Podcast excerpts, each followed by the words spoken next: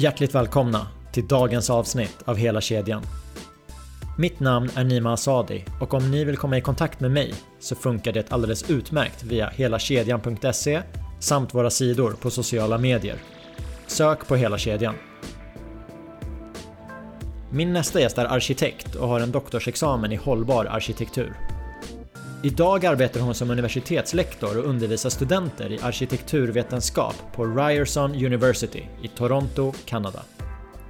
Vi träffades under en konferens för några månader sedan och började prata om evidensbaserad design. Det lät intressant tyckte jag, så varför inte sätta på mikrofonerna? Sagt och gjort. Här får ni en summering av vårt samtal. Låt mig presentera Terry Peters.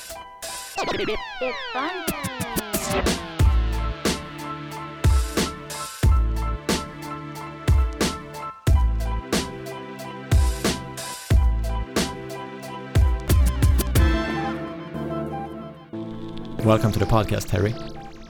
Thank you. Let's start with you introducing yourself to our listeners. Okay, my name is Terry Peters. Um, I trained as an architect in the UK, and I have my PhD in sustainable architecture from Aarhus University in Denmark. And my research looks at uh, the intersections between sustainable design and health and well being. You're here because yesterday you and I had a conversation that I couldn't stop think about and that was about evidence-based design. So, can we go through it? What what do you mean with evidence-based design? Evidence-based design. We started to talk about this. Um, thinking about the connections to other things like technology and how architects design. So, from my perspective as an architect, evidence based design is using uh, current knowledge and research uh, peer reviewed research to guide main decision makings in the design of architecture. So, drawing on published studies in other fields, in architecture, and using the findings from those studies and trusting the findings from those studies to inform architecture. Do you have any project examples? There, most of the examples that use evidence-based design are healthcare buildings. Um, so, evidence-based design as a movement uh, started in the 1990s. Um, it grew out of the healthcare architecture um, scene. So in the 1990s, evidence based design was a response to evidence based medicine. And so evidence based design doesn't have a, a, background in, say, housing or everyday buildings. It's really rooted in healthcare. And examples of evidence based design architecture are mostly healthcare buildings. The most famous example is the Östra um, Psychiatry Ward in Sweden, in Gothenburg, Sweden. A project that I have never heard about. Yes, well, you need to go visit it. It's beautiful. It's daylit, there's natural materials, it's very welcoming. Um, I have seen it in many conferences on design and health. It is championed by a, one of the leading figures in evidence-based design um, architecture, which is a architect by the name of uh, Stefan Lundin at uh, White Architects. Trust me, I won't drop the ball on this one. I, I will surely look into it and uh, make a podcast series out of it. Yeah, at the in in 2000 or actually was this year at the uh, Design for Health um, International conference, Stefan Lundin uh, spoke again about the Östra Psychiatry um, Hospital in Sweden. So he presented it to hundreds of people at this conference in London. How and when did you get in touch with evidence based design? Um, after my PhD research in Denmark, I moved to Toronto, Canada, and to take up a postdoctoral position looking at social sustainability. And my mentor at University of Toronto is a leading researcher in evidence-based design. His name is Stephen Verderber. And what was it with evidence-based design that like got you? Well, I very quickly realized how unpopular it, it is in the architectural community. When I say evidence-based design, people say, "Oh no, no, you don't want to look at that. You don't want to do that." Um, Why? Because it's it's considered threatening to the intuition and experience of a designer. It's it's seen as being taking away creativity. I think that's a fair statement. I mean, not just architects maybe think that, but other members of the construction and building team. Is there any other based designs? We got this evidence-based design. Is it is there anything called feeling-based design? No, there's not that I know of, but there's a way that designers make decisions and evaluate their work in an iterative process that does not involve reading peer-reviewed papers. I would have to say architects designing for example, housing, do not read any peer-reviewed research on housing. It's not part of our process as designers. We don't we don't learn that way of making decisions. How do you learn? So I also teach architecture right now and we teach architects, aspiring architects what good design is by taking them to see buildings, um, by studying precedents, so going and learning in depth about a building, whether you visit it or whether you just study the drawings. But it's it's hard to get them. The challenge right now is that we have access to all of these buildings through things like Pinterest and ArchDaily and Dezeen, And so they get a very superficial understanding of the building. There isn't such a grand tour mentality of actually going and physically experiencing, for example, going to Rome and seeing um, architectural history unfold through buildings. So I think there's a crisis right now in architecture of how to evaluate our decisions, how to value good design, and in the context of sustainability and design for health, I think it's really that's where we're really seeing it come to a head. You mentioned good design. Hmm. And in the last few years, many times I've asked different architects, what is good design? What is good quality? And mostly I get the answer, oh, you know that. You know what it is. Don't ask the question. Why do you think I get that answer? I get that answer all the time. If, if I'm talking about evidence based design, they say, we don't need guidelines, we don't need evidence, we just know.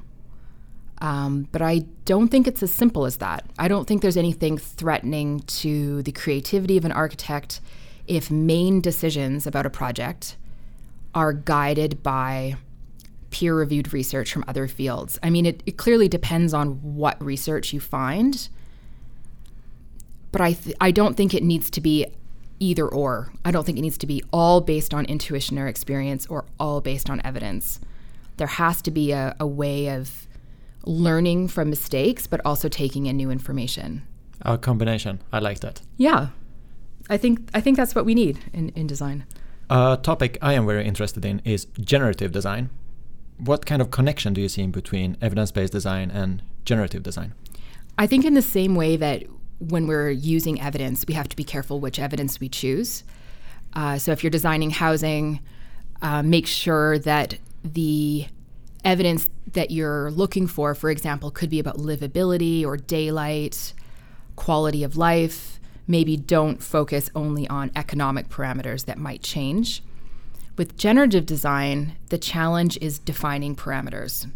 So the creative design, the intentional design of parameters. So um, if you're designing an office building, you're having to balance all of these competing variables. Like you want to have, um, you want to promote communication in an office, but not everybody wants an open plan design. So when you're entering your um, your parameters into the generative design software, you need to do multi-parameter opt- optimization, and maybe that's the good thing about generative design is that it can do multi parameter optimization. So if you use it for a single parameter, I think you're going to get skewed results. So we have evidence based design, we have generative design. We got all these websites with photos of different buildings around the world. We have a lot of data. How do you think the daily work of an architect will change within 20 years? I think it will change. I think it might not change as quickly as we think. The generative design is not mainstream, but thinking of balancing parameters is mainstream. All architecture is multi parameter optimization.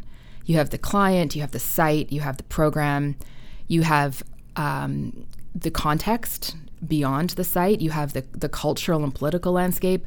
So I think that the role of architects in being cri- critical and creative problem solvers is always going to be there.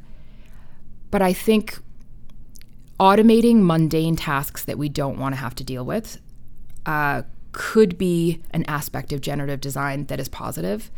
But I hope that architects aren't spending all of their time designing parameters. I hope that we're doing the interpretation and the critical reflection and analysis. We keep doing the fun stuff and make com the computer do the, all the hard work. Exactly. Yeah. Yesterday, you told me that you've published a special issue of a journal on design for health. Uh, and in that journal, one of the articles are on uh, super architects. What do you mean with that? It, the the special issue of the journal um, highlights different buildings around the world that are both very environmentally sustainable and health promoting. And I, I chose projects that weren't healthcare architecture. They're actually just all different kinds of buildings. So, um, schools, housing, also health buildings. And super architecture is a term um, that I made up to talk about features of a building that are environmentally sustainable and health promoting. So, daylight is a great example. Daylight in a building and really focusing on that, it reduces the need for electric lighting, but also it promotes health and well being and happiness in people. Green infrastructure can be that way too. So, a green roof on a building um, in this special issue, I looked at a, a hospital project in Australia, and the, it has all of these green terraces in the project. And that reduces the urban heat island effect by having a cooler uh, surrounding for the building. It improves the views when people look down on these green roofs, but also it gives people um, a chance to go outside. In each case, there's a way to actually use this outdoor terrace. So instead of focusing on just like with evidence-based designs, like either or, you can have you know design that's very artistic and creative, or you can have something based in research. I think we set up that that kind of false relationship with sustainability too, because we tend to think it can either be environmentally sustainable or health promoting and fun.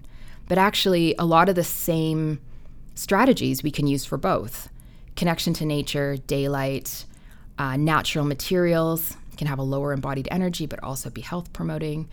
Um, there's lots of cases. Um, an example that I looked at in detail was the Copenhagen Cloudburst projects. So, the um, climate adaptation projects around Copenhagen that provide um, green spaces to absorb rainwater, but also provide leisure spaces for people in the city. So, it's kind of a win win rather than looking always, always at trade offs. I'm a super supporter of you saying that it's, it's not one or the other. It's, yeah. it's more complex than that. But that complexity is, is not an excuse for not doing anything. That's right. And it, it might be hard to enter these variables into generative design software. You still need the human to, you still need the qualities of a good designer to be able to understand the complexities and break them down this uh, conversation has uh, given me a lot of new information that I look forward to read more about. And uh, I, I really want to thank you for taking your time coming to the podcast. Thank you. Thanks very much. It's a pleasure. It's fun.